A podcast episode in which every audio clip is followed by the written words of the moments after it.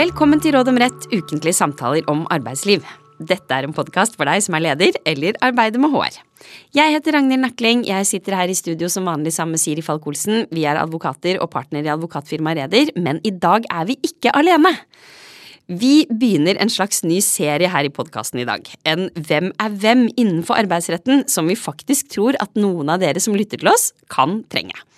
Og det sa seg kanskje selv hvilken aktør som da måtte presenteres først. Det er Norges største arbeidstakerorganisasjon, LO, som i dag er representert her i studio ved Atle Sønsteli Johansen. Velkommen, Atle. Takk for det. Takk for at jeg får komme til Norges ledende podkast i arbeidsrett. Ja, og du Atle, det syns jeg var hyggelig sagt. Du har jo eh, tidligere vært rådgiver i Justisdepartementet. Du har vært dommerfullmektig. Eh, og så har du både vært advokat i LO-advokatene og ledet denne eh, avdelingen i mange år. Og det er jo ikke et lite spørsmål du er hentet inn for å svare på. Hvem er LO? Eh, det er vel nesten umulig å svare godt på i løpet av en halvtimes tid, men vi er veldig glade for at eh, du vil gjøre et forsøk. Ja, Vi får se hva vi klarer på 20-30 minutter. Vi får gjøre det. Og vi pleier å ha det man på godt norsk kaller caser i episodene våre, Atle. Og vi har også en i dag som danner bakteppet for episoden.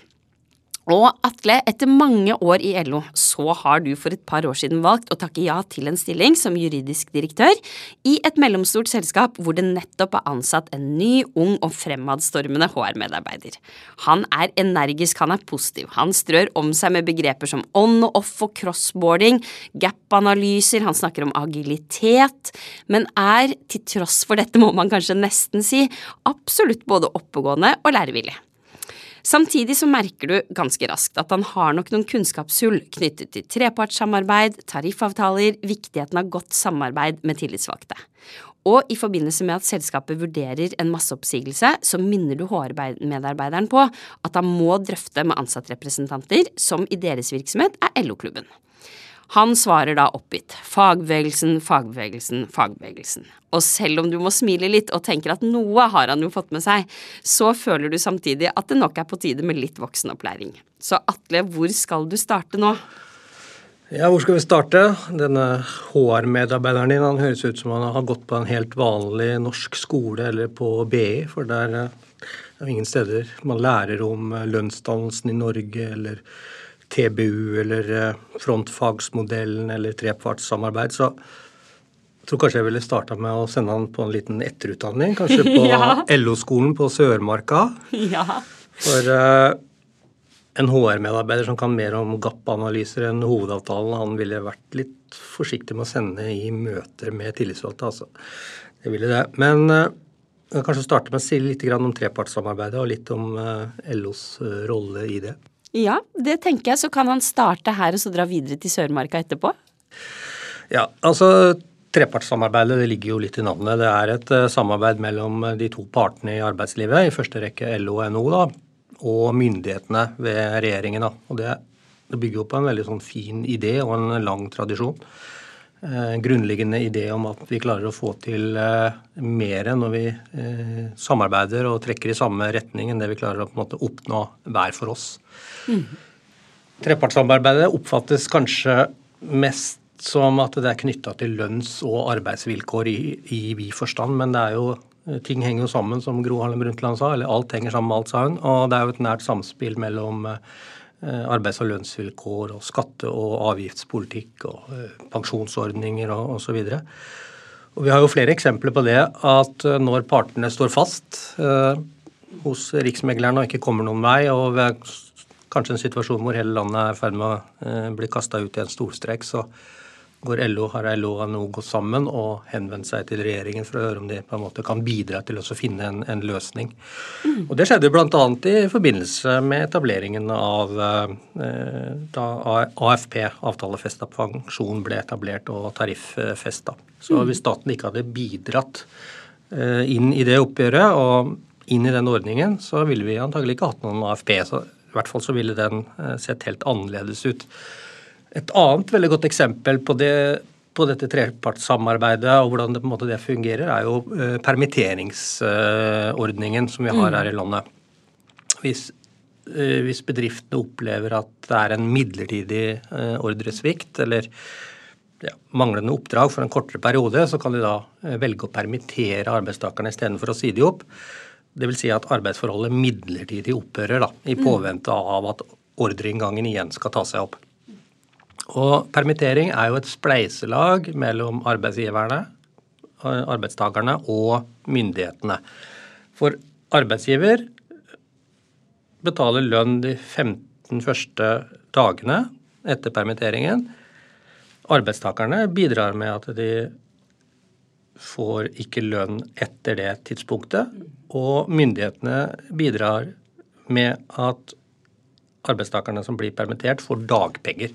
Så det er, det er et, det er et eh, spleiselag. Og under koronaen, hvor vi hadde, jeg tror vi hadde 400 000 eh, permitterte eh, på et tidspunkt, så så vi hvor viktig denne type ordninger er. Hvor man, har, hvor man da gikk sammen og fant løsninger og gjorde at Norge som nasjon, landet, kom langt bedre ut av krisen enn det mange andre land har, har gjort da, og med mindre smerter i forhold til f.eks. For en spanjol som ble satt på gata sånn, sånn, sånn, sånn tvert.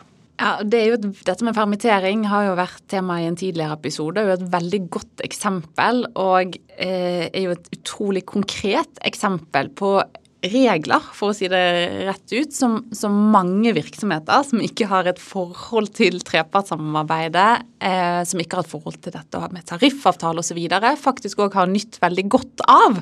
Og som er et konkret utslag av det, og som man særlig, som du er inne på, så under koronapandemien, hvor mange virksomheter som aldri hadde vært i den situasjonen noensinne, var tvunget til å permittere. Mm. Mm. Så det syns jeg var et eh, godt eksempel. Helt enig. Og noe jeg satt og tenkte på, var sant, veldig gode eksempler på hva er trepartssamarbeidet i praksis, og hvordan arter det seg.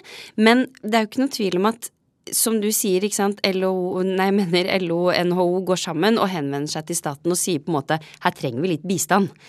Um, det er jo ikke noe tvil om når du trekker eksempel, sant, for eksempel til Spania. Det er jo lettere for den norske stat å bistå da, enn mange andre land, kanskje.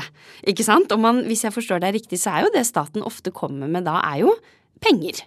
Ikke sant? Eh, men hva tenker du om hvis vi i denne episoden så kommer vi til å snakke litt om LO sin lange historikk også. Eh, går det an å si noe om Er det noe annet staten kan bidra med enn penger? Ja, altså eh, i eh, altså, Vi har jo et velferdssystem som er bygd ut. Eh, og det velferdssystemet har jo på en måte ikke, kommet, har jo ikke kommet av seg selv. Det har jo skjedd gjennom uh, mye slit og mye nød og mye fattigdom og mye arbeidskamper og de sosiale ordningene som vi har, de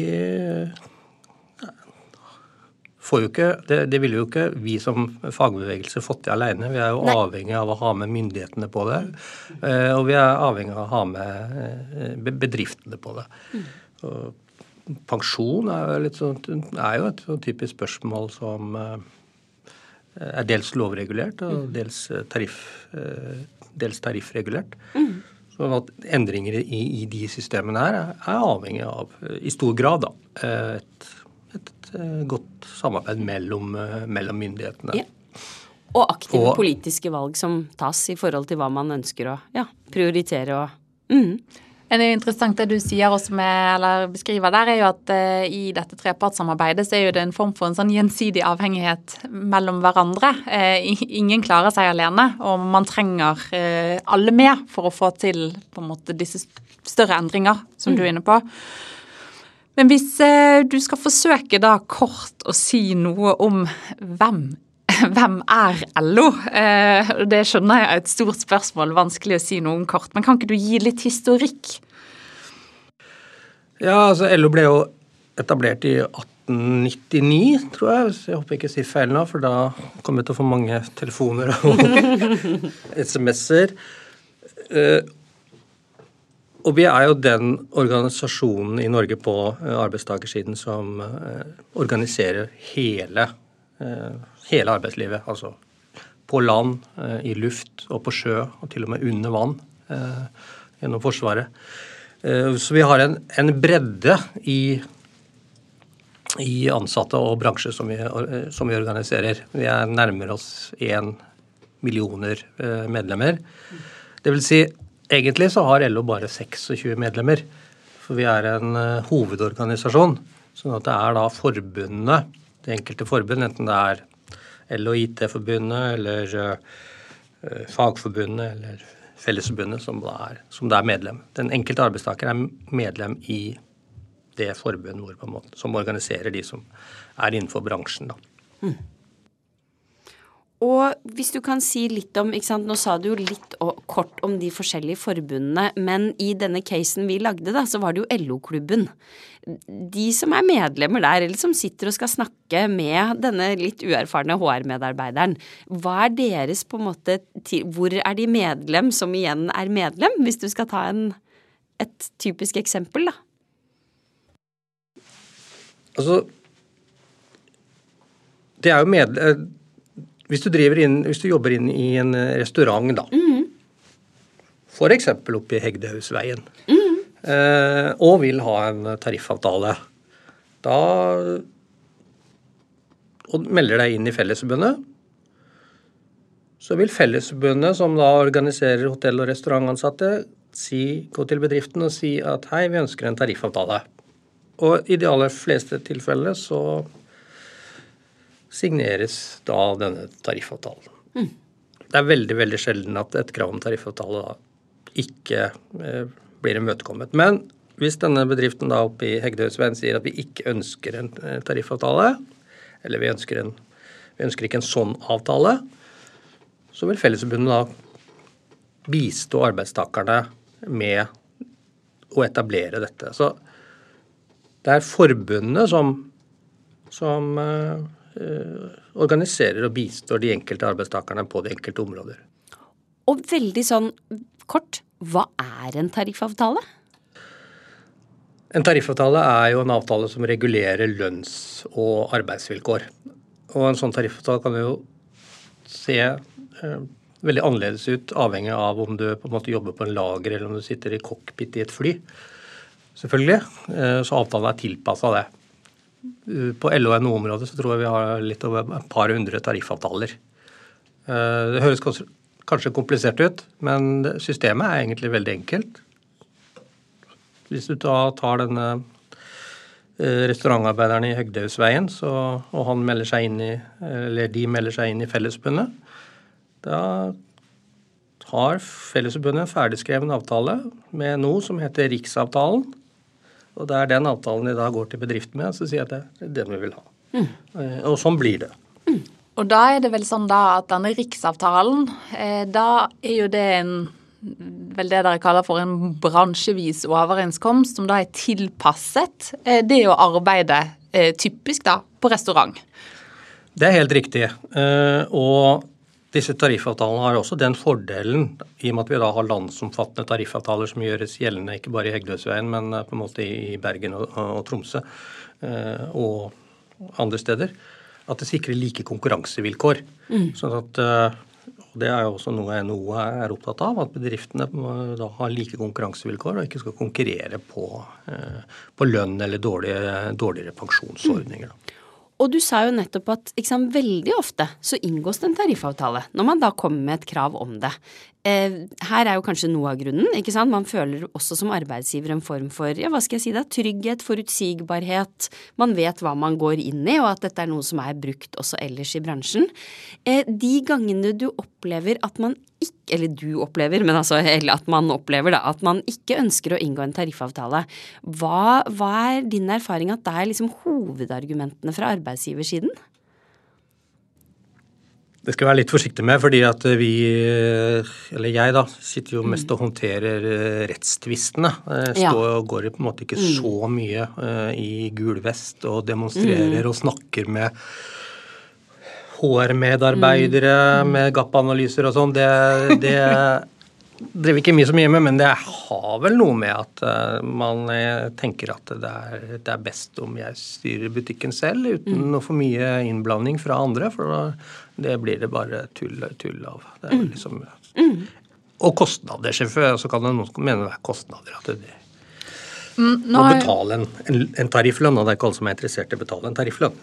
Kommer, De tror, eller at det kommer billigere ut hvis de måte kan betale under tariff. Ja. Nei, og her er det jo også, vil jeg tro, i hvert fall vår erfaring, at det er en del misoppfatninger og misforståelser ute og går. Eh, Ref dette med voksenopplæring er, er kanskje viktig. Men nå, har du, altså, nå snakket vi jo litt om dette de, den type avtaler du snakket om nå, er det disse bransjevise overenskomstene, som kanskje er de virksomheter og for så vidt ansatte tenker mest på i det daglige. Men kan du også si noe om hovedavtalen, altså det som egentlig kommer på toppen, eh, eh, som for LO, da, hovedavtalen mellom LO og NHO, hva er egentlig det? Som du sier, helt riktig, så er eh, tariffavtalene tilpassa den enkelte bransje man jobber i. En egen avtale for lager, en egen avtale for næringsmiddelindustrien, en egen avtale for piloter osv. Og innholdet i disse avtalene er jo da selvfølgelig forskjellige. Hovedavtalen skiller seg på det ved at den gjelder for alle helt uavhengig av bransje.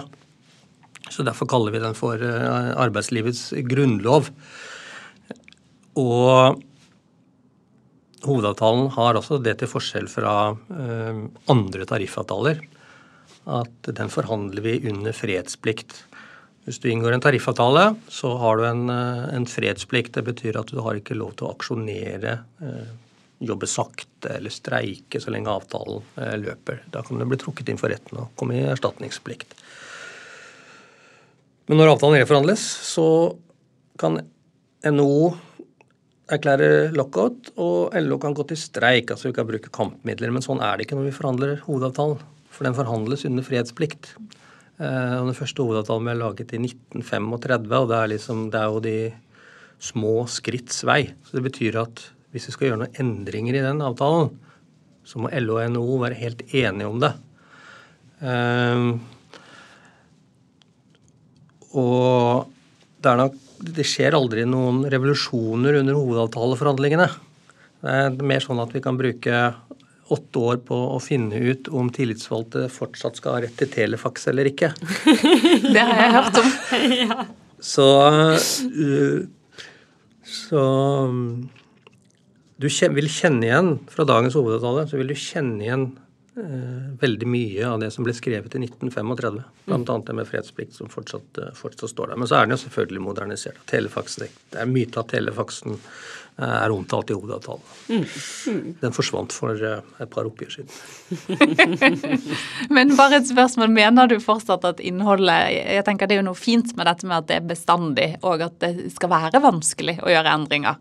Eh, tenker du eh, fortsatt at innholdet står seg godt? Ja, det syns jeg. Altså, den Hovedavtalen inneholder de liksom helt grunnleggende normene for forholdet mellom partene i arbeidslivet. altså samarbeidsforum. Den inneholder regler for eh, revisjon av tariffavtaler. Eh, rettigheter og pliktelser for eh, tillitsvalgte og liksom litt mer over, sånne overordnede, grunnleggende ting. Mm. Og jeg syns jo Ikke helt, helt ta bildet her, men jeg syns jo at partene har vært flinke til å modernisere avtalen. Da. Og så er det selvfølgelig noen som mener at den Eh, burde hatt eh, mye mer i seg, og noen kanskje ikke burde stått der og sånn. Men det er jo et verktøy som absolutt uh, brukes ute, og som uh, ja, både bedriftsledere og, og tillitsvalgte uh, respekterer og tar utgangspunkt i når de har sitt, sin daglige ja. Og jeg tenkte på, du snakker om sant, nesten som litt sånn Grunnloven, på en måte. ikke sant, Hviler over, og så er det eh, mer konkrete lover, hvis man kan si det sånn, da, med bransjevise tariffavtaler som da ligger under. Og hvis man da er en leder eller HR-medarbeider, så er det jo kanskje også viktig å få sagt at slår de opp i hovedavtalen, så finner de nok kanskje ikke svar på så mange konkrete problemstillinger. Ikke sant? Som du sier, at der er mer overordnede prinsipper og um, ja, hva skal vi si da, eh, saker som har betydning på et litt høyere nivå. Mens de mer sånn konkrete svarene vil de jo ofte da finne i bransjevise overenskomster, eller også kanskje om, om det er noen lokale tariffavtaler.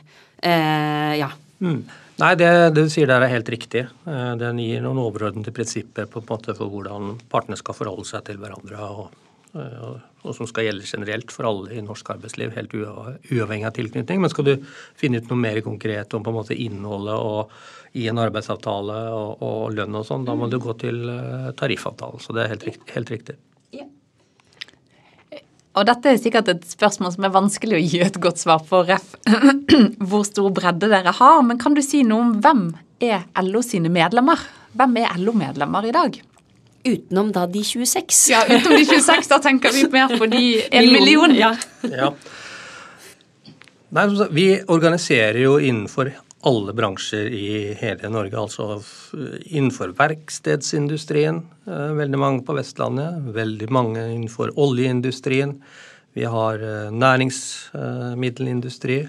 Vi har eh, ansatte i kommunal og statlig forvaltning. Mange elektrikere. Og det er også sånn Tro det eller ei, at LO også organiserer noen selvstendig næringsdrivende. Forfattere, f.eks. For en liten snekker som driver en liten egen, egen virksomhet og sånn. Vi har ikke tenkt å ta opp konkurransen med, med NHO på det området der, men, men også, de trenger, eh, også de trenger hjelp. I og med at LO da eh, organiserer så bredt, så forplikter jo det også oss på en Eh, helt annen måte enn andre arbeidstakerorganisasjoner. Vi må eh, ta hensyn til helheten mm. og alle grupper i samfunnet. Vi har ikke den luksusen som enkelte andre arbeidstakerorganisasjoner kan ta seg, med å bare si at det er én bestemt gruppe som må prioriteres. Så det er jo en, en, en, en en forskjell som de som leser litt i avisene, eh, kan se kanskje har vært litt kniving om nå. Ja, fordi jeg tenker at det er jo en utfordring òg når man som du sier skal representere så mange i privat, i kommunal, i statlig sektor med alle de ulike hensynene og vurderingene som ja, spiller inn da. Og noe Siri og jeg også har tenkt på da vi forberedte episoden med deg, er jo dette med ikke sant, Dere har ekstremt mange medlemmer. Men det er jo jammen en god del som kanskje skulle vært medlemmer hos dere også, men som ikke er det. Kan du si litt om hva du, hva du tenker om det? Kan noe av utfordringen være nettopp det at dere er så store og har vanskeligere for å rette dere inn mot noen?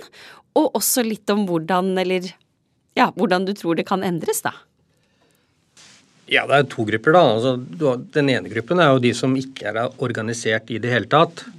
Eh, det kan jo være personer som, eh, som tror at eh, pensjonsordninger og lønnsreguleringer og sånn kommer helt av seg sjøl. Sånn, detter ned fra himmelen.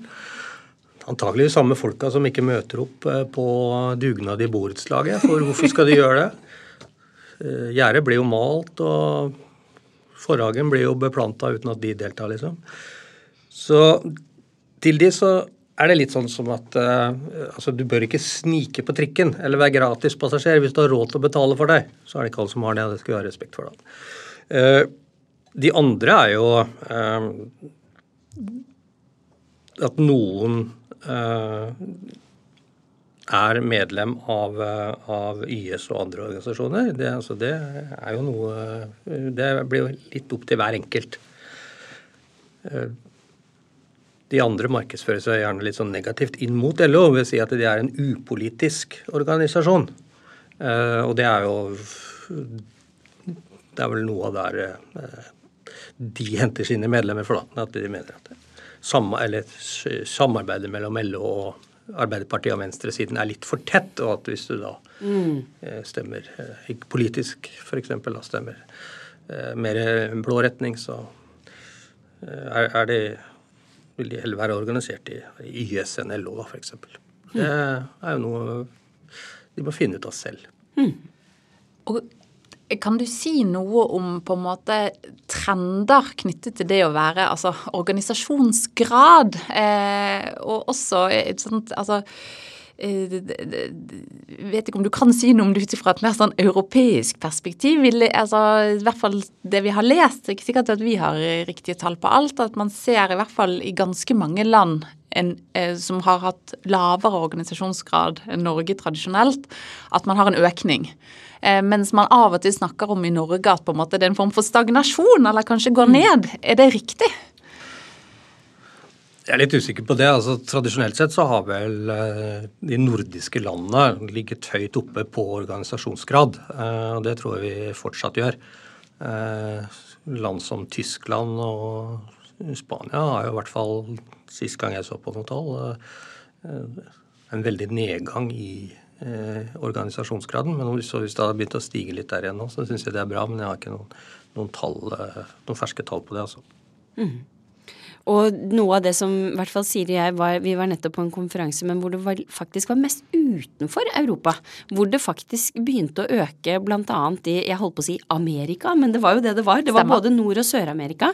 Så var det en foreleser som holdt et innlegg som egentlig var veldig interessant, eh, og som snakket da om økende organisasjonsgrad. Men det er vi jo langt utenfor våre, liksom, vårt hjemland, da. Ja, og så er det vel nok riktig dette med at man da snakker om land som tradisjonelt ikke har hatt Ja, sterke eh. Mm. arbeidstakerorganisasjoner, og at det på et vis er nytt, da, mens man i Norge, Norden, som du sier, eh, tradisjonelt dette har vært veldig viktig.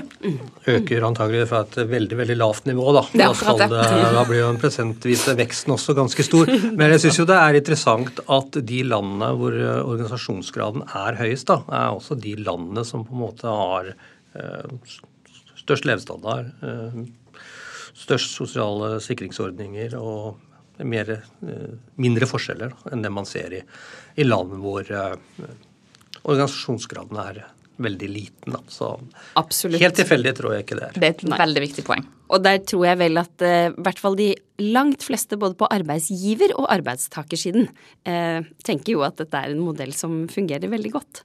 Eh, nå, Jeg merker at vi egentlig, skjønner du Atle, så har vi jo nok av spørsmål, men de er nesten sånn noen av de jeg tenker vi skal spare til en annen gang, annet om tariffoppgjør, som jeg tenker at noen av lytterne våre burde kunne mer om. Men du var inne på ikke sant, LO etablert i 1899. Men så er det jo et annet jubileum da, som jeg syns vi må innom her, her når du er her i dag.